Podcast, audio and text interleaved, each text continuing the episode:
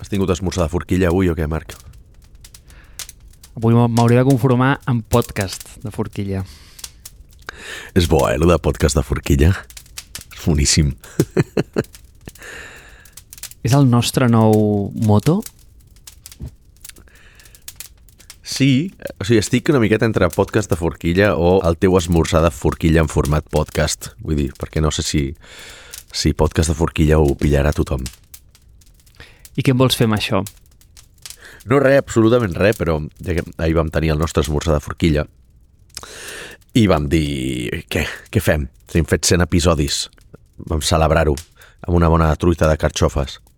No al Calboter, no on anem tota la vida, sinó vam canviar de, vam canviar de lloc. Ah, no me'n recordo el nom del lloc, com es deia? Cal Tosca. Boníssim, eh? El Tosca. Sí, també molt recomanat, eh? Allà a Travessera de Gràcia. Molt bo. Bueno, vam fer un esmorzar molt correcte per celebrar els 100 episodis de Foc a Terra i els 100 que vindran i una miqueta planejar properes accions. No sé si volem desvetllar-ne alguna, Marc, tu diràs. És que la gent s'espanta una mica amb els esmorzars de forquilla, saps? Per què?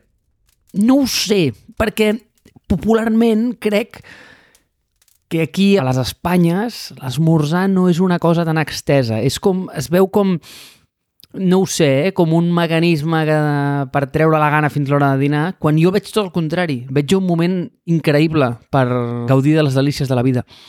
Sí, sí, eh, completament d'acord. I més a l'esmorzar de forquilla, que de fet, si el, si el fas ja no tens ganes de menjar més coses tan pesades la resta del dia. Saps? És una bona tàctica. Menges el més pesat a l'hora d'esmorzar i després ja la resta del dia pots menjar coses més lleugeres perquè et sents culpable. Per mi és una bona tàctica. No, és que no només això, és que el dia comença bé. O sigui, ja estàs disfrutant de l'experiència de, des del primer moment del dia. És que jo crec que, mira, des d'aquí, eh, els esmorzars estan infravalorats, Àlex. Jo crec que hauríem de prohibir el sopar i el dinar i fer només esmorzars de forquilla. Diu, bon esmorzar i ja està. No, perquè després veus la gent... la gent aquesta que fa l'intermittent fasting, no? Com es diu? Uh, dejú, no? I aquestes històries. I dius, a veure, si has de fer dejú, fes-ho amb, un, amb un bon plat després, saps? Vull dir, o, o abans de fer-lo, però, però després va, foten aquests batuts de kale i quinoa, tio, i aquestes merdes, i dius, jo, jo no sé com pot, poden aguantar la resta del dia, saps? Vull dir, si has de fer només un àpat al dia, fes una cosa potent. Jo, de fet, ahir, mira, vaig estar a punt d'agafar-me fricandós. A esmorzar fricandó hauria estat un punt molt, molt, molt àlgid a la meva vida. Sí, jo crec que et gradues a un nivell superior en el moment que esmorzes fricandó, estic d'acord. Però és que etimològicament en català ho hem perdut, perquè el concepte esmorzar jo no l'entenc gaire. És a dir, perquè és el que tu dius, desayuno és això, no? És que surts de les ayunes, no? I jo crec que això ve de igual en anglès, no? I potser m'estic estic, potser m'estic tirant a la piscina d'una manera increïble, però, però m'està venint al cap com que breakfast és que trenques el fast, no? D'alguna manera, que és l'ayuno en castellà, desayunes, però en català no, no fas el desjuni per, per esmorzar. No, esmorzes. Per què, Àlex? Per què? No tinc ni idea, no ho sé. Eh, De fet, sempre és una d'aquelles coses que, que, que et rebenta el cap quan parla... O sigui, com... Hòstia, jo crec que ens estem anant per una tangent important aquí, eh? però el tema aquest de que, clar, nosaltres li diem dinar, la cosa que els anglesos seria el seu sopar, però els anglesos també tenen el supper, que vindria a ser com el nostre ressupó. És curiós, no? I, el, i de fet, el nostre esmorzar, la relació directa en paraula de l'almuerzo castellà, que és l'hora de dinar, no és el seu esmorzar. Tot aquest creuament de paraules és, és curiós, segur que, segur que hi ha alguna tesis doctoral al respecte d'aquest tema. Però tot això m'ho estàs explicant perquè no tens ni puta idea de com lligar els dos temes d'avui o no. Correcte. Exacte. Sí, estic pensant com ho, com ho farem, això. O Com ho tirarem, això, Marc? És que no ho estic veient. Bàsicament, si no et dic res, això hagués seguit en una conversa d'esmorzars de forquilla fins al minut 40 o 50, i llavors haguéssim dit, ah, hòstia, veníem a parlar d'una altra cosa, però com que no teníem ni puta idea de com lligar-ho, mira, hem parlat d'això i s'ha acabat l'episodi, no? Aquesta és l'estratègia. Eh, Podem fer, podem fer apel, eh? Ho podem fer apel i dir, mira, avui tenim dos temes, que són les novetats de, de ChatGPT, i aquella cosa que tu tens apuntada a la llista que jo no acabava d'entendre què és, que és el què passaria si haguéssim invertit en allò que sabíem que aniria bé. O algo així, saps? Vull dir, per quina, per quina comencem? Vale, mira, és que em fa il·lusió començar per la keynote d'OpenAI, perquè, xato, o sigui, no te'n mires les keynotes d'Apple i resulta que el dia abans de l'episodi em proposes fer un d'una keynote que de fet és la seva primera, i tu, em va fer il·lusió, perquè vols que et digui una cosa? Jo la vaig veure. Jo no. Bueno, no passa res, però segur que tens més bones opinions que jo. Però em va recordar a les primeres... Mira, et diré quina em va recordar. Em va recordar la de l'iPod. No sé si tu la recordes, la keynote de l'iPod. No la vaig mirar, no la vaig mirar. Bueno, és antiga, eh? és molt antiga. Jo era molt anti-Apple, aleshores, quan, quan es va fer aquesta. Jo no la vaig veure en directe, sinó que me la vaig posar 5 o 6 anys després, perquè no, no era ni conscient del que era un iPod, possiblement l'any 2001, quan, quan el van presentar. Però la keynote aquella és que semblava moltíssim. Un, re, una, un amfiteatre petitet, amb una presentació darrere, en directe, tio, està tot fet com amb keynote, com molt casolà, ensenya el producte en allà en, en real, hi ha com aquesta tensió del directe, que no saps si funcionarà bé, si no... Tu, em va semblar espectacular. I vaig veure el xaval aquell, l'Alman aquest, i ho sento, eh? és que li dic xaval perquè jo... El... Ah, mira, sé que aquest home és l'home més poderós del món, però jo quan penso en Sam Altman, saps en què penso? No. Penso que és el becari de... Saps el, el Paul Graham, aquell que va muntar Y Combinator? Sí, no? Sí. Pues, sí. com que és el, el xaval dels recadus, del Paul Graham. És que és, és un d'aquests tios que es veu com molt, molt més jove del que és. És com Ian Hoover, de Product Hunt. També, i tu el veus i dius, té 20 anys. No, segurament en tenen 45, saps? O 50. Però sembla que tingui 20 anys, tio. Hi havia l'altre, el de l'Aaron Levy, el de, el de Vox. O el de Vox, sí. Que, que semblava també molt, molt, molt, molt jove. Tu el veus, està cascadíssim però molt cascat, saps? Però també era un tio que dius, aquest sembla que hagi de tenir 20 anys eternament. De cop i volta, d'un dia per l'altre, va passar a ser una persona molt gran, saps? Però bueno, aquest eh, ho ha passat malament a la vida, em sembla, eh? Bueno, doncs aquest, no sé si ho ha passat malament o no, però és el becari més influent del planeta ara mateix, eh? Déu nhi sí. sí quina, quin, po, quin poc respecte per la persona més influent del planeta, Marc. Però bueno, no seria una novetat en aquest podcast tampoc. Hòstia, no, no, li tinc molt respecte a aquest home, eh? però, hòstia, jo crec que ara mateix té a les mans possiblement l'únic producte de consum que ha explotat en els últims 3-4 anys, eh? Què destacaríem d'aquí? Perquè jo no he vist la keynote, o sigui, jo m'he llegit el post del blog vale. d'aquesta gent. Mira, jo et dono com... De la bitàcora. Abans d'entrar com en matèria del que es va fer, ostres, vull donar-te una mica com l'escenografia. És que es veia tan casolana, és que em va recordar tant a la de l'iPod, de veritat, eh? És que és exactament la mateixa idea. Una presentació en directe, super humil, molt espartana, amb un clicker, eh, amb una presentació darrere, va haver-hi un moment que em va semblar acollonant i és que Satya Nadella va aparèixer a l'escenari, o sigui, el puto CEO de Microsoft apareix a l'escenari i la seva frase és bueno, seré ràpid que no vull fer perdre el temps d'aquí a la gent. I el tio es veu que va anar ah, a San Francisco expressament del rotllo, mira, xato, o sigui, sóc el CEO d'una companyia que val més d'un trilió de dòlars i res, vinc aquí a l'audiència d'aquesta, no ho sé, nova startup que ha aparegut en aquí al panorama que es diu OpenAI i, eh, no us preocupeu, eh, que no gastaré el vostre temps. Xatos, era com, per tota l'audiència havien de fer com una reverència per veure aquell paio allà i no, no, i el tio diu que, que, que, que, tio, que no els hi fa perdre el temps. I, és que això aquí em va explotar el que vaig entendre. Hi ha alguna cosa que no entenem bé aquí, Marc, però bueno, no, no, era, era així. Va tenir com moments com... Com et diria? O sigui, que feien esta gràcia del directe, no? que el tio no sabia com per quin cantó li entraven els convidats de l'escenari. Era això, Àlex, tu, molt d'estar per casa. I, I ho trobes a faltar, saps amb què? a les keynotes d'Apple. Perquè ara, les keynotes d'Apple, que s'han convertit bàsicament en pel·lícules de, de Martin Scorsese o de Christopher Nolan... I, i fetes, i fetes amb, amb Midjourney. Exacte. és veritat, d'això m'havia oblidat, és veritat, d'això m'havia oblidat, que hi ha una conspiranoia penjant encara que no resolta, no. que és que Tim Cook no és, no és real.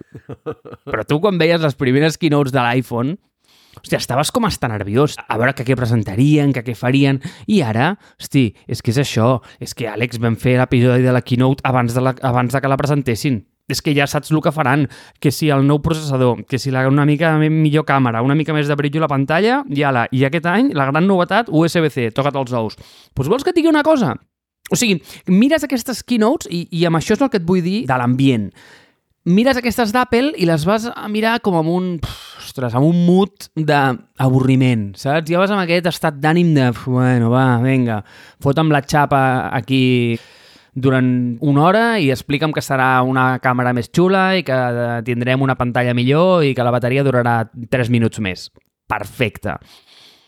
Però, en canvi, miraves la d'OpenAI i vols creure't que tenies aquest nervi, aquest, no sé, de dir, ensenya'm què, què tens aquí, perquè saps que això va canviar coses, no? I és perquè, i és evident, no? Perquè, vull dir, el producte està en aquest estat en el que vulguis que no té la capacitat de fer salts quàntics molt bèsties. O sigui, l'iPhone és un producte que al final està molt madur i ja, vull dir, et dic, eh, tota, tota iteració que li vingui ja és benvinguda, però vull dir, no, no t'esperaràs res nou. És a dir, o, jo, com, sigui, esperes que Boeing en el seu següent avió tingui tres ales, oblida't. La tecnologia convergeix i ja sabem com és el telèfon i ja, això ja és una cosa que ho hem vist, check, no? Però, ostres, ara tots aquests models de llenguatge generatiu i tot el rotllet de la intel·ligència artificial que hi ha darrere està en aquest punt en el que passen coses i és molt guai veure-ho. Clar, però és tota aquesta, tota aquesta expectació és perquè era, és una keynote d'una empresa nova que no sabies per on t'anava a sortir, no? I una miqueta d'Apple doncs ja saps el que tindran a dir i aquí... O sigui, els, el, diguem, les coses que estan anunciant a OpenAI no sabem per on sortiran val? o sigui, no sabem cap a on anirà. Tant de cop i volta, i a més, tampoc tenen una data definida, si t'hi fixes. O sigui, amb Apple, com ja vam comentar, tens doncs, 5, 6, 7 esdeveniments l'any, i aquí comentaran això, i en aquest doncs, cosa, parlant de coses més de developers, i en aquest parlant de hardware, i aquest és un esdeveniment dedicat a l'iPad, no? I ja saps què t'anunciaran, ja hi ha els rumors, ja hi ha les filtracions.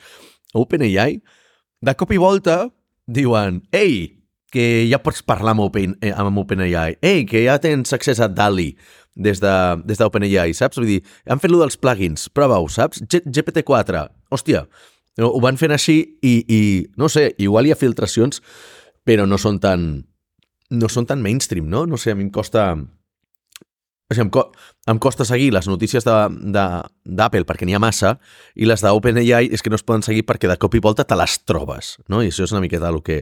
Encara estem amb la fascinació aquesta de la novetat, que és una empresa nova i que no sabem cap on tiraran i a l'anunci ara, bueno, ara suposo que en parlarem, de, de les coses que han tret, però dius, veient això i veient les 3-4 coses que han tret abans, no sé què serà el següent. O sigui, no tinc ni idea de cap on aniran.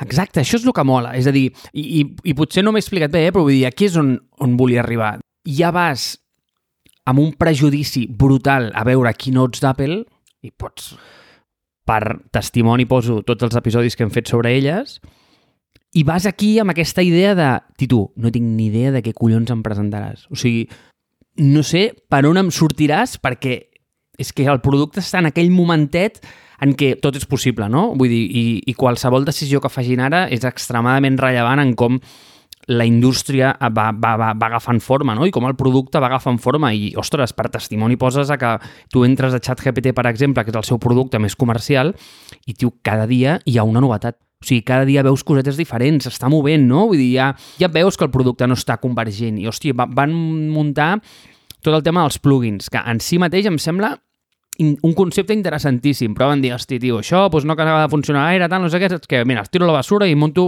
el, el que, bueno, i ho explico tu si vols, eh? La, la part dels, dels GPTs, que per ser el nom, però és d'aquelles coses que mirarem enrere i direm, tio, però com collons aquest nom va arribar a ser tan popular? Per què? Sona com el puto cul, Àlex, ho sento molt, eh? Vull dir, mira, el d'Antròpic, ja. que és la seva competència, em sembla que es diu Cloud o una cosa així. És a dir, tots tenen com noms on fan referències a enginyers informàtics i, i programadors històrics i merdes d'aquestes. Com es diu el de Quora? Eh, Pou es diu, no? Em sembla? Sí, correcte. Eh, sí, sí. Tots tenen noms com molt, no ho sé, eh? van a buscar com aquest romanticisme. Aquests, nen, i ho van agafar les sigles, van dir GPT i van dir ala, GPT. I, i així d'amples van quedar. Què van anunciar, tio? A veure, diverses coses. Anem per, per blocs. Primer, la part menys rellevant és la part, jo crec, d'Enterprise. Jo crec que serà molt rellevant, però no ho és per nosaltres perquè ningú crec que entre la nostra audiència té una Enterprise entre mans, així que igual tampoc és super rellevant, però és que bàsicament va, va, van anunciar que grans companyies podran entrenar els seus models en base a la seva data d'una manera molt senzilla i això em va encantar, molt cara, d'acord? O sigui, ja van dir com no espereu que sigui barat, cosa que em va semblar acollonant, ¿vale? Llavors, a nivell jo crec més de consum i de, que ens afecta més, hi ha un canvi brutal a la seva interfície de, de ChatGPT i a les seves APIs, en la qual abans, no sé si recordes que tenies aquella dualitat d'aquella pestanya on podies triar el model 3.5 i, el, i el 4, que és, bueno, diguem, més avançat i més, més lent també, no? El 3.5 és, és més ràpid, més ràpid vull dir a, l'hora de contestar-te, eh? Bàsicament el que han fet és que, com si recordes en el 4 hi havia com diferents modes d'ús, no? Tenies eh, DALI, tenies Data Analysis, tenies el de navegar i després tots els plugins. Però clar, què passava? Que tu activament havies d'activar-ho in advance, o sigui, havies de saber què volies demanar-li i activar les coses correctes, no? És a dir, per exemple, a mi una de les coses que m'agrada d'aquest producte és que ha aconseguit fer una computació eminentment no determinista l'ha aconseguit fer extremadament determinista. Exemple, aquests llenguatges de, de generatius, si tu els hi començaves a parlar de la vida, et donaven respostes ok, val? però com que a vegades tenien aquest tipus d'al·lucinacions, el fet de que quan tu necessites una resposta correcta, és a dir, si jo et dic hola, què tal, no hi ha una resposta correcta. Em pots dir com el puto cul o molt bé i les dues són bones. Val? Llavors, si tu estàs com al 95%, no m'enteraré molt bé o no em serà molt rellevant quina és la teva resposta. Malgrat, si jo et pregunto 2 més 2, només hi ha una resposta bona. Per tant, si em dius 5, és una puta merda. Llavors, aquests, aquestes eines generalment coixejaven d'això, de quan li demanaves coses extremadament determinístiques, pixaven fora de test la majoria de vegades. Què va canviar? Pues va canviar que quan li vas fotre el plugin de Wolfram Alpha, no sé si l'has provat, és la rehòstia, li pots preguntar, tio, digue'm la distància entre la Terra i Mercuri i nen la clava cada vegada, no? Llavors això, que sembla una xorrada, ostres, és el que ha fet absolutament tota la diferència en aquest tipus de productes. Per què vinc aquí? Vinc perquè abans això ho havies de preprogramar tu i li havies de marcar, li havies de dir, escolta, que vaig a fer una pregunta d'aquestes putes, prepara'm el Wolfram Alpha. O quan volies, no ho sé, eh, vull dir, treure un bitllet d'avió que has de dir-li, ei, que vaig a kayak, activa'm el plugin. Igual amb Dali. Ara, ell fa com aquest preprocessament. Quan tu li dius, digue'm la distància entre Mercuri i la Terra, ja diu, ATT, aquest tio m'està fent una pregunta puta. Anem a activar-li Wolfram Alpha. I ara això ja ve com integrat GPT-4 i a través de l'API també. És a dir, si ets d'aquells que ens fa cas i ha muntat el Siri Shortcut aquell que li vam comentar l'altre dia amb la que tira de l'API, en teoria aquella resposta hi hauria de, de ser multimodal i sense que tu li preseleccionis res. Fins aquí les novetats amb GPT-4. Tot bé? Hi ha una altra, eh, també van anunciar que traurien una... bueno, no sé si van anunciar la keynote, eh, però ja et dic que ho he llegit al blog, que traurien una, una store. O sigui, podies fer... Que... No ho sabies, això? O no ho van, no ho van comentar? Sí, home, clar, però encara no havíem arribat. Això era GPT-4, fins aquí. Ah! Ah, és que te m'avances, te m'avances.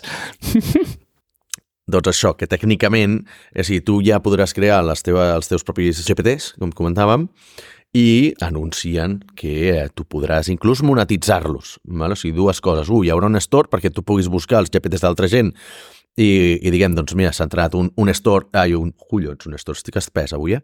Un, un GPT de receptes de cuina i serà el puto Ferran Adrià o la Carme Ruscalleda dels GPTs i, i te'ls podràs descarregar i els podràs fer servir però, clar, la part bona és que podràs comercialitzar-los també si et dediques a això.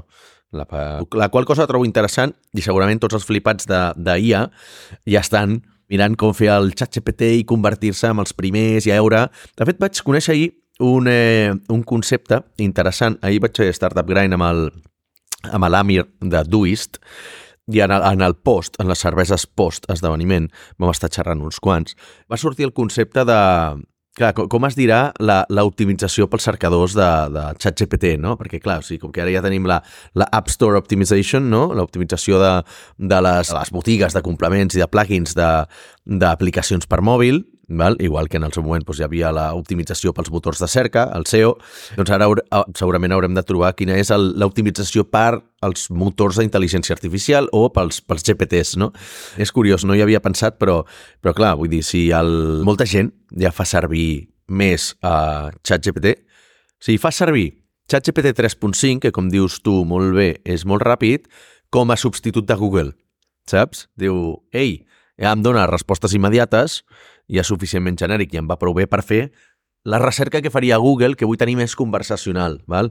no el vaig a buscar la pàgina web de Hewlett Packard, no, això pues, ho seguiràs fent per Google, però la típica cosa de quin material és més sòlid, saps, tal o tal, pues aquestes coses, pues sí, fots a ChatGPT en comptes d'anar a buscar Google, perquè Google ja està contaminat de o quin, jo que sé, quines avantatges té aquest CMS respecte a aquest altre, eh, per fer un cas d'ús més, més tangible, perquè Google està completament contaminat de les merdes que han posat els marketers durant molt de temps per optimitzar per SEO i trampejar el joc del, del rànquing dels motors de cerca i aleshores ja està ple de contingut basura, pràcticament, no? I doncs, ChatGPT et dona més, et dona més informació més rellevant. Aleshores, clar, què passa? Que ja estic veient com, doncs això, tots els flipats de la, de la IA ja deuen estar creant la seva, els seus GPTs o pensant, o mirant a veure com ho poden fer per començar a optimitzar i arranquejar, ser els primers, perquè, clar, hi ha l'avantatge aquesta de que en un nou sistema, en un nou marketplace, fas un plugin que es, es torna popular, quan hi ha molt pocs, realment el fa servir moltíssima gent, saps? O sigui, ja aquí sí que hi ha un avantatge competitiu en ser el primer. Sí, és interessant aquest tema, perquè el, el fet aquest de quines coses cataloguen de cerca i quines coses cataloguen de pregunta. I es fa difícil, eh? Es fa molt difícil, perquè, clar, i, i, i fixa't, a nivell d'incentius, eh? Si tu ets una companyia com Google, diu, això de la intel·ligència artificial em molesta més que una altra cosa, perquè quan jo et faig una pregunta és que ja m'estàs donant la resposta, no et puc posar anuncis aquí. Per tant, em corre molt en contra el meu model de negoci, és per això que una companyia tan petita ha pogut créixer tant en el sentit de que no tenia cap limitació en aquest sentit, de cap, lliga, cap lligament o lligadura a, a nivell de negoci. Clar, tu penses, això per Google és una putada més que una altra cosa, perquè, clar, tu tens una llisteta de 10 i els tres primers són anuncis, però aquí com ho fas, no? Llavors, no sé si has provat el BART aquest, que el que fa és que és interessant. A veure, tu li passes la pregunta i ell decideix si allò cataloga de cerca o cataloga d'intel·ligència artificial resposta o prompt o digue-li com vulguis. I et dona una mica en funció de... S'ha de provar amb una VPN, crec, perquè no està disponible a Espanya, no sé per què. Ah, sí, pel, pel GDPR. Però clar, això et dona moltes oportunitats en el sentit de que si el teu model de negoci no depèn d'això, igual tens alguna allà interessant en el model 3.5, en el ràpid, per poder per poder cercar-ho, però clar, igualment segueixes sent molt depenent de les coses d'actualitat, o jo que sé, o si vols buscar un restaurant, coses d'aquest tipus, igual potser encara amb cerques agregades d'aquestes funciona millor. L'altre és el tema de la recència. Clar, ara això ho van actualitzar perquè té el tall de dades ara a l'abril del 2023. Cada cop s'està acostant més a l'actualitat, la, no? I, I quasi, quasi, quasi que dintre de poc serà en els últims 15 dies, no? Pràcticament. Però, però clar, el 3.5 no. És a dir, el 3.5 és un model que funciona tan ràpid perquè està molt optimitzat per això, no? Vull dir, per, perquè anem a dir que està molt trillat ja i, i d'alguna manera pues, té, té, té més velocitat. Però clar, jo no m'imagino un món en el que tu converteixes totes les cerques de Google en preguntes a, a intel·ligència artificial, però per un tema de costos, eh? perquè no tinc els números al cap, però estic segur que estem parlant d'una fracció molt petita del cost que té una cerca Google i el cost que té una, una, una pregunta d'aquestes. No tinc ni idea. És que jo encara no sóc aquesta persona la que fa les cerques a, a ChatGPT, eh? però, però sí que entenc que realment Google ha evolucionat, o sigui, com a cercador ha evolucionat, no? O sigui, el llenguatge el llenguatge que fem servir per comunicar-nos amb, un, amb una pàgina web no és natural. Per bé que li diguem processament del llenguatge natural, no era natural perquè en realitat havíem de posar, havíem d'adaptar-nos molt al que entén, no? Aleshores, clar, l'avantatge que té el ChatGPT és que sí que és molt més conversacional i s'acosta molt més a l'assistent de veu aquest, de, com el que dèiem, a l'assistent de Her, que t'entén, no? Li pots fer una pregunta tal qual. Ti, no, no has de transformar, no has de moldejar la teva pregunta, a veure com ho poso això a Google perquè entengui que tal paraula no és això i que em tregui aquesta paraula, no m'ensenyi aquests resultats, saps? Vull dir, es poses, li poses el menys, li poses el, els modificadors aquests, els paràmetres de tipus site, les dates, etc etc. i que és molt poc pràctic, no? I que tu has de saber i has de ser una miqueta friqui per, per saber com funcionen aquests paràmetres de cerca més avançats de, Google. Aquí directament és com un ei, tinc una idea de tal cosa i estic dubtant entre tant i tal, digue'm això, i, i et fa la cerca més propera a com l'estructures tu en el teu propi cervell. Sí, podria, sí, podria estar d'acord. El que passa és, és que et canvia la manera de pensar. I, i a mi m'ho ha fet, eh? No hi ha hagut producte en molts anys que m'hagi canviat la manera de pensar tal com aquest. És a dir, m'enfronto a les tasques d'una manera diferent ja. Has tornat a tenir converses amb ChatGPT o no, d'aquestes de, de, de carrer, les converses de veu? N'has fet una altra o no? He deixat una mica de banda les converses de carrer, però sí que t'estic... Sí que et diria que tinc moltes converses de... Mira, per exemple, eh, per exemple, li passo un text i li dic, dona'm tots els contraarguments que puguis sobre aquesta idea. Ah. Hòstia, és que són coses que són, són superútils. A veure, és que jo crec que tot plegat ens està fent com més socials, ¿vale? perquè abans, quan, no sé, quan havies pensat alguna i volies saber com els teus contraarguments, li explicaves a algú que sabies que no compartia la teva opinió i, li, i, i, ja, i ja anaves a buscar això, no? Pues això pues, el que t'estalvia és pues, moure la llengua. Perquè simplement vas allà i li dius, escolta, digue'm quines debilitats veus en aquesta argumentació? O, jo, jo què sé, per exemple, és que a vegades, inclús amb feina o, o, o amb coses que presumptament jo en sóc un professional... Presumptament. M'agrades, sempre ens agrada presumptament. Clar, clar, evidentment, eh? Vull dir, no, no, no me les donaré de que encara a la meva vida he sigut professional en res mai.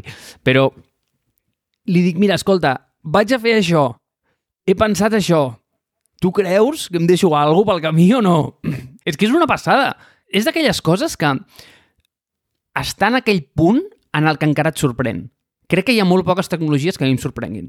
Molt poques. És a dir, coses que jo li entro un input i, i el seu output per mi és, vull dir, ja sé el que em donaràs. Si pinto de vermell una rodona al paint, ja sé què passarà, no? I poques vegades alguna cosa em sorprèn. Això té aquesta capacitat de... Et dona alguna i, I és allò com que hi ha com aquell moment de suspensió d'això de dir a veure què em donaràs, a veure què passarà. I encara em passa. I, hòstia, i, ostres, fot quasi, no sé, fa molt temps que estic jugant amb això, fa més d'un any que estic jugant amb això. Però encara em passa a dia d'avui, tio. Si haguessis pogut invertir en això, Marc, ho hauries fet? Hòstia, Àlex, tio, li has preguntat a ChatGPT que era el moment de canviar el tema o no? No, no, no, no, no. Però dic, a veure com ho lliguem, saps? A veure com ho, com ho lliguem, però és que vull veure per, per on surts d'això, o sigui, no, no acabo d'entendre per on sortirà aquest tema. No, mira, jo tampoc ho acabo d'entendre, vale? però ja, ja, ja que és distòpic, fem-ho distòpic, fem-ho més distòpic encara. Això va venir arran de que una vegada, fa uns episodis, crec que va ser el de no un d'aquests, em vas preguntar eh, la, la meva inversió en cripto, vale? i bueno, si algú vol saber escoltar una història de, de fracàs, que vagi a escoltar al final d'aquell episodi perquè és molt divertit. I això em va donar que pensar vaig dir, hòstia, Marc, fins a dia d'avui la teva estratègia d'inversió és com bastant avorrida. O sigui, és del rotllo, vull dormir tranquil. Cosa que està bé. I, i sempre ho ha sigut. Jo crec que no m'he cansat gaire mai amb això. No, no, vull dir, és una bona estratègia, eh? Vull dir, jo ho recomano a tothom, eh? crec que al final dormir és molt important. Però, en canvi, pel lloc on ens movem, resulta que estem en un sector que creix força. I moltes vegades tenim aquestes converses entre nosaltres on mencionem totes aquestes companyies que són superincipients a dia d'avui... Hugging Face, per exemple, en el seu moment. Per exemple, no? Per exemple. O, o jo què sé, i, igual tu i jo fa 10 anys, no sé, eh, estaríem parlant de Stripe. Sí, i tant. Eh, clar, i, i, i en parlàvem doncs, molt obertament, no? Però ja és un tema de que les veus des de molt petites, no? I tot el delta de creixement està encara a puntet quan són això, no? quan són molt jovenetes, perquè al final tot el creixement que ja tenen quan han sortit a bolsa, pues, al final està bastant agotat, malgrat que, ojo, qui hagués invertit fa 10 anys en qualsevol de les tecnològiques, no? Exacte. A on vaig? Estic intentant crear el, el meu punt de la, la nota aquella que ja ni recordo en el seu dia perquè te la vaig posar. Eh? És a dir, que tota la gent que treballa amb nosaltres, del nostre sector, inclús tu i jo, ens omplim la boca intentant fer-nos el xulo, explicant a l'altre com sabem o, o quan de versats estem en tecnologia per explicar-li els supermodels de negoci que s'han inventat aquesta, l'altra, i que estan com eh, al principi de la curva i per nosaltres, com jo que sé, que jo et vingui i et porti com una companyia que no coneixes, per mi quasi quasi és un signe de, de victòria, no? Per mi de dir, oh, mira, li he ensenyat alguna a l'Àlex, no? Vull dir, ens les donem d'això. Mira, tio, el nostre món és tan petit que, tio, és, és tan miserable que, mira, ens, ens fan felices aquestes merdes. En canvi, tota aquesta idea no la capitalitzes amb els teus diners. És a dir, exemple, si tu fa 10 anys, i no estic parlant de fa 20, és que res, 10 anys, eh? 10 anys. Si tu fa 10 anys haguessis invertit, per dir alguna tonteria, eh? 1.000 eurets amb Apple, Amazon, Alphabet o Microsoft, per dir alguna cosa, que dius, hòstia, fa 10 anys a l'iPhone ja feia 6 que corria, eh? Segurament haguessis fet les millors inversions de la teva vida. O sigui, 1.000 eurets invertits a Apple fa 10 anys, a dia d'avui en tens 13.000, a Amazon a dia d'avui en podries arribar a tenir fins a 17.000, depèn del moment en què ho haguessis agafat de l'any, amb Alphabet o Google 11.000 i amb Microsoft 12.000. És un per, per 11 en el pitjor dels casos. Clar, i per altra banda, te'n vas a dormir tranquil mirant el teu fons d'inversió que et dona un 2% l'any i te'n vas a dormir amb cara de gilipolles. Molt tranquil, però amb cara de gilipolles. Clar, a veure, sí, però, uh, fa 10 anys jo tenia 1.000 euros al banc. No podia invertir 1.000 euros en borsa. Dos, fa 10 anys no sabia com s'invertia en bolsa ni qui podia fer-ho, saps? Vull dir, només tenia una persona a família que ho feia i tampoc em semblava que guanyés gaires diners amb el, amb el tema, saps? Sempre m'havia semblat de cosa més de, més de friquis. I no ho sé. Clar, fa 10 anys, Google, quants... Quan, bueno, és igual. Si poses amb... Amazon i Google tampoc tenien tants anys com a empresa. No sé si m'explico. O sigui, Microsoft sí, però Microsoft tothom odiava Microsoft, tio, fa, fa 10 anys, saps? Vull dir, era, és pre tornar-se empresa guai o relativament guai perquè fa coses d'intel·ligència artificial i, i va comprar GitHub i, i s'ha fet open, ha abraçat a l'open source i bueno, ha abandonat el pollavallisme que, que, que, que, que tenia sempre al voltant, no? No ho sé, clar, tio, és una miqueta de, de viatge de confirmació, no? O sigui, mirant enrere dius, sí, clar, tio, jo també hauria invertit en aquestes coses. Però i, i aquestes són perquè estan en bolsa, però tu, les empreses que estaves comentant, que eren empreses incipients, no pots invertir en elles. O sigui, en Stripe no podíem haver invertit, val? Doncs clar, com ho fas? L'empresa que estigui sortint ara, que, que potser ho petarà d'aquí 10 anys, probablement no la tenim a l'abast. O sigui, no pots invertir-hi. I al moment que puguis invertir-hi, mala senyal, vull dir, se m'acut algun exemple, doncs Revolut, que em sembla que van fer un crowdfunding, no? Si obren un crowdfunding, sí pots invertir, però si no ja t'has d'esperar a, a, a invertir-hi en, en bolsa, perquè no sé, eh, no sé tu quins tentacles tens per poder invertir en, eh, en, les, en els grans inconvents tecnològics quan eh, estaven en etapes inicials, però definitivament jo no tinc aquests contactes. No, zero. O sigui, evidentment, aquest és el moment de viatge de confirmació més gran de Foc a Terra, però estem contents amb ell, vale? perquè havíem de tatxar aquell ítem de la llista i no sabíem com collons fer-ho i has fet una molt bona cunya per entrar-hi. Llavors, clar, ojo, Amazon, fundada... És que clar, sembla que faci 4 dies. A 97, no? És de l'any 94. 94, val.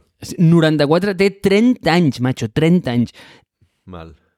Clar, el meu punt és, hòstia, quines són aquestes que ara estan sortint en bolsa i sé que ara tot el tema de, la, de les IPOs s'està allargant molt, ara totes les companyies sempre estan privades, bueno, és el que diem de Stripe, no? Vull dir, que et vagi bé invertir en Stripe ara perquè no pots, no? Llavors, quines són aquestes que sí que estan sortint però que poden ser interessants, no? És a dir, jo que sé, a poc Clavillo, em sembla que sí, es diu, no? Clavillo, no? La de, de... Sí, plugin de Shopify aquest famós. És una molt bona companyia, per cert, és l'empresa que té el rècord del de el percentatge de, de shares del, del fundador en el moment de, la, de sortir a bolsa que anteriorment la tenia Atlassian, si no recordo malament. O sigui, crec que va sortir a bolsa i tenia un percentatge desproporcionat. de... Has invertit en ella? No, no, no, però la conec perquè nosaltres treballem molt amb Shopify i és clar, és com un dels principals plugins per, per Shopify.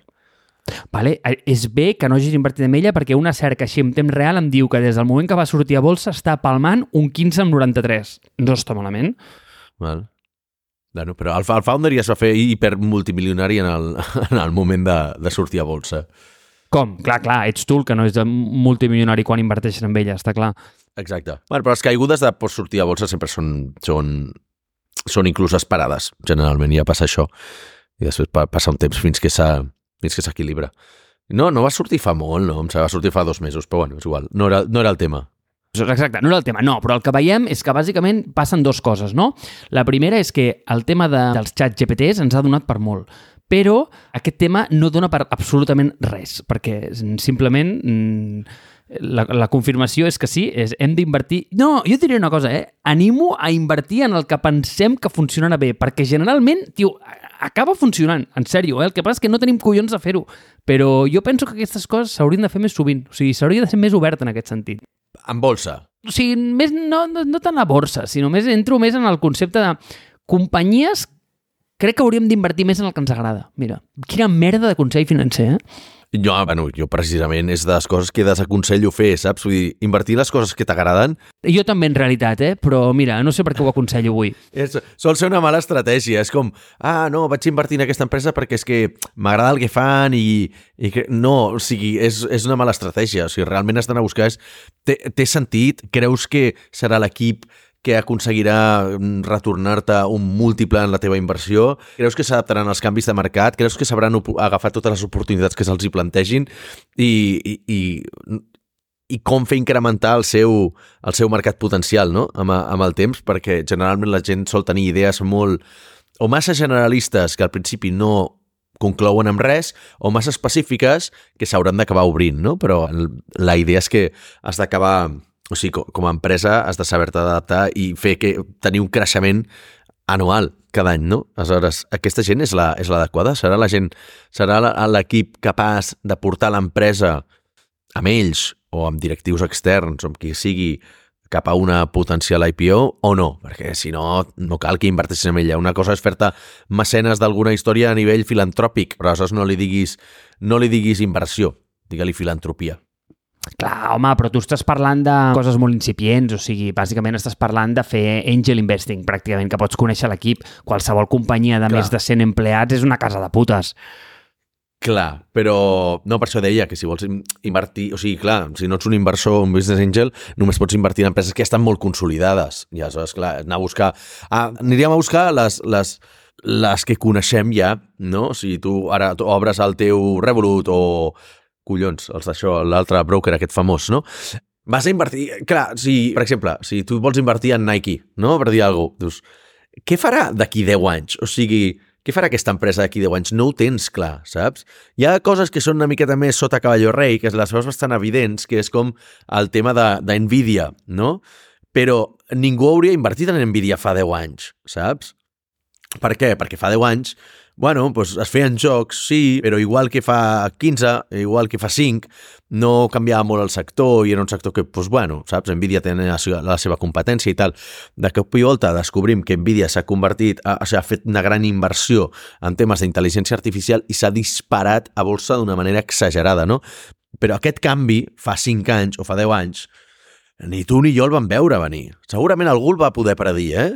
Algú el va poder, el va poder predir però em sembla més prediccions a lo Nostradamus de faig 15 prediccions o 150 i alguna serà eh, alguna es farà veritat, però no sé, jo no tinc aquesta capacitat. Per tant, he invertit jo, el poc que he fet en borsa va ser més de, i això no és consell financer, és més d'agafar empreses que sé que existiran d'aquí 20 anys i pos- posar-hi pasta allà. Jo de cada 10 empreses en les que posava pasta agafava una random, random, per veure si aconseguia quedar-me una miqueta amb, el, amb els que estan fora de la campana de Gauss, no? de, la, de la distribució de la Power Law, i aleshores si enganxes un d'aquests que estan fora, que generalment són els que teniran o molt malament o molt bé, doncs m'ho podia permetre. Però, si no, jo he apostat una miqueta, com deia el Núñez, dels fitxatges de la portera, eh? Vull dir, vaig posar pasta en Amazon, en Salesforce, en Nvidia... En Nvidia, Nvidia sí que vaig posar.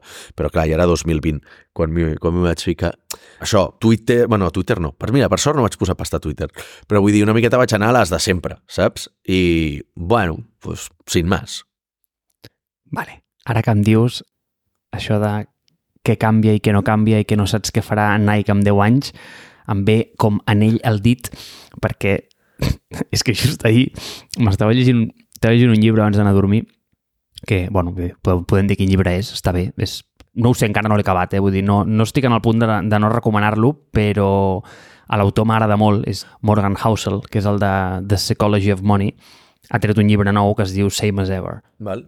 I me, me l'estava llegint ahir i al principi de tot, i el vaig començar, i al principi fa molta gràcia, perquè m'agrada molt aquesta idea de el relat de tota la gent que va conèixer personatges rellevants com Steve Jobs, per exemple, que sempre expliquen la seva anècdota amb ell. I llavors, com el món està plegat d'anècdotes de gent que, va, que ja no sé si són veritat o mentida de gent amb Steve Jobs, passa el mateix amb Warren Buffett, no? Tothom que el, el se'l va trobar pel carrer explica com l'anècdota de les coses que li va dir. Però es veu que anava amb el seu xòfer pel carrer amb un conductor, no sé si un taxista, no sé, està molt dormit, Àlex, tio, no ho vaig llegir molt bé, vale? però la idea és la mateixa es veu que era com el 2009, que tot estava molt trillat, i el taxista li va preguntar Warren, com ens sortirem d'aquesta? Està la cosa molt malament, eh? I el tio, des d'allà darrere el cotxe, segurament menjant unes patates fregides i una hamburguesa, perquè diu que és a base de tot el que s'alimentava, li va contestar... Però que es viu, tio, Warren Buffett, no? Parles amb ell passat, però jo diria que encara es viu. Tal? És viu, és viu, és viu, 100%. Ah, vale, vale. No, no, però, però vull dir, ho faig en el sentit que aquesta anècdota va, va, va passar fa uns anys, val? El tio li va preguntar, com en sortirem d'aquesta, no? I el tio pues, li va contestar, tu saps als anys 60 quina era el, com el, la xocolatina més consumida o no? I li diu, no. I li diu, Snickers. I el tio li diu, ah, i salta i li diu, saps a dia d'avui quina és la xocolatina més consumida o no? I li diu, Snickers.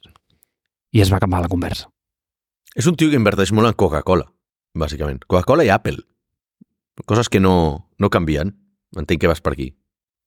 Home, sí, perquè tu m'has dit que no sabem si canviarà, si no, doncs bàsicament m'ha fet gràcia perquè he pensat, mira, xato, m'estic llegint un llibre que es diu Same as Ever i bàsicament el seu moto és com únicament t'explico les coses que no canvien i he pensat, mira, igual li dius a l'Àlex que potser és rellevant. En aquest episodi que en si mateix és el... Sí, és el viatge de supervivència més gran que s'ha vist mai en un podcast de 40 minuts, doncs aquest és el nostre. De fet, això està molt lligat amb la, amb la màxima aquesta de, de Jeff Bezos, no? que diuen que, que inverteix molt en les coses que no canviaran. No? Quan fa la, les prediccions del futur, diu, no, no, no pensen que canviarà, sinó que pensen que no canviarà. Què passarà als propers 10 anys? La gent voldrà els, uh, els llibres o els productes que compro que compra Amazon, voldrà que siguin més cars? Voldrà rebre'ls més tard i voldrà que tingui menys catàleg? No. Doncs oi que la gent voldrà que segueixin arribant doncs, al, al mateix dia, el dia després, que cada cop siguin més barats i que cada cop tingui més catàleg? Doncs inverteixen en això, no inverteixen en altres històries, no? Ja és una... Per bé que no sigui sant de la meva devoció, Jeff Bezos, és veritat que és una d'aquelles coses que jo sí que penso a l'hora de fer de, de pensar en negoci de futur, és pensar molt en això, que no, que no canviarà. Val? No tinc la cap, sempre ho dic que no tinc la capacitat de veure el futur, hi ha gent que és més creativa, hi ha gent que és més visionària i, escolta, que els hi vagi molt bé, saps? Jo prefereixo no jugar arriscar-me quan hi ha temes de, que, que implica la, la feina d'altra gent invertir en el que pots mantenir, el que no canviarà, sempre és una bona estratègia. Vale, Àlex, doncs a partir d'ara jo només seguiré invertint en fons d'aquests avorrits per seguir dormint bé per les nits, sí? I que no canviarà aquí foc a terra, Marc? Els esmorzars de forquilla, espero. I que el fem en català.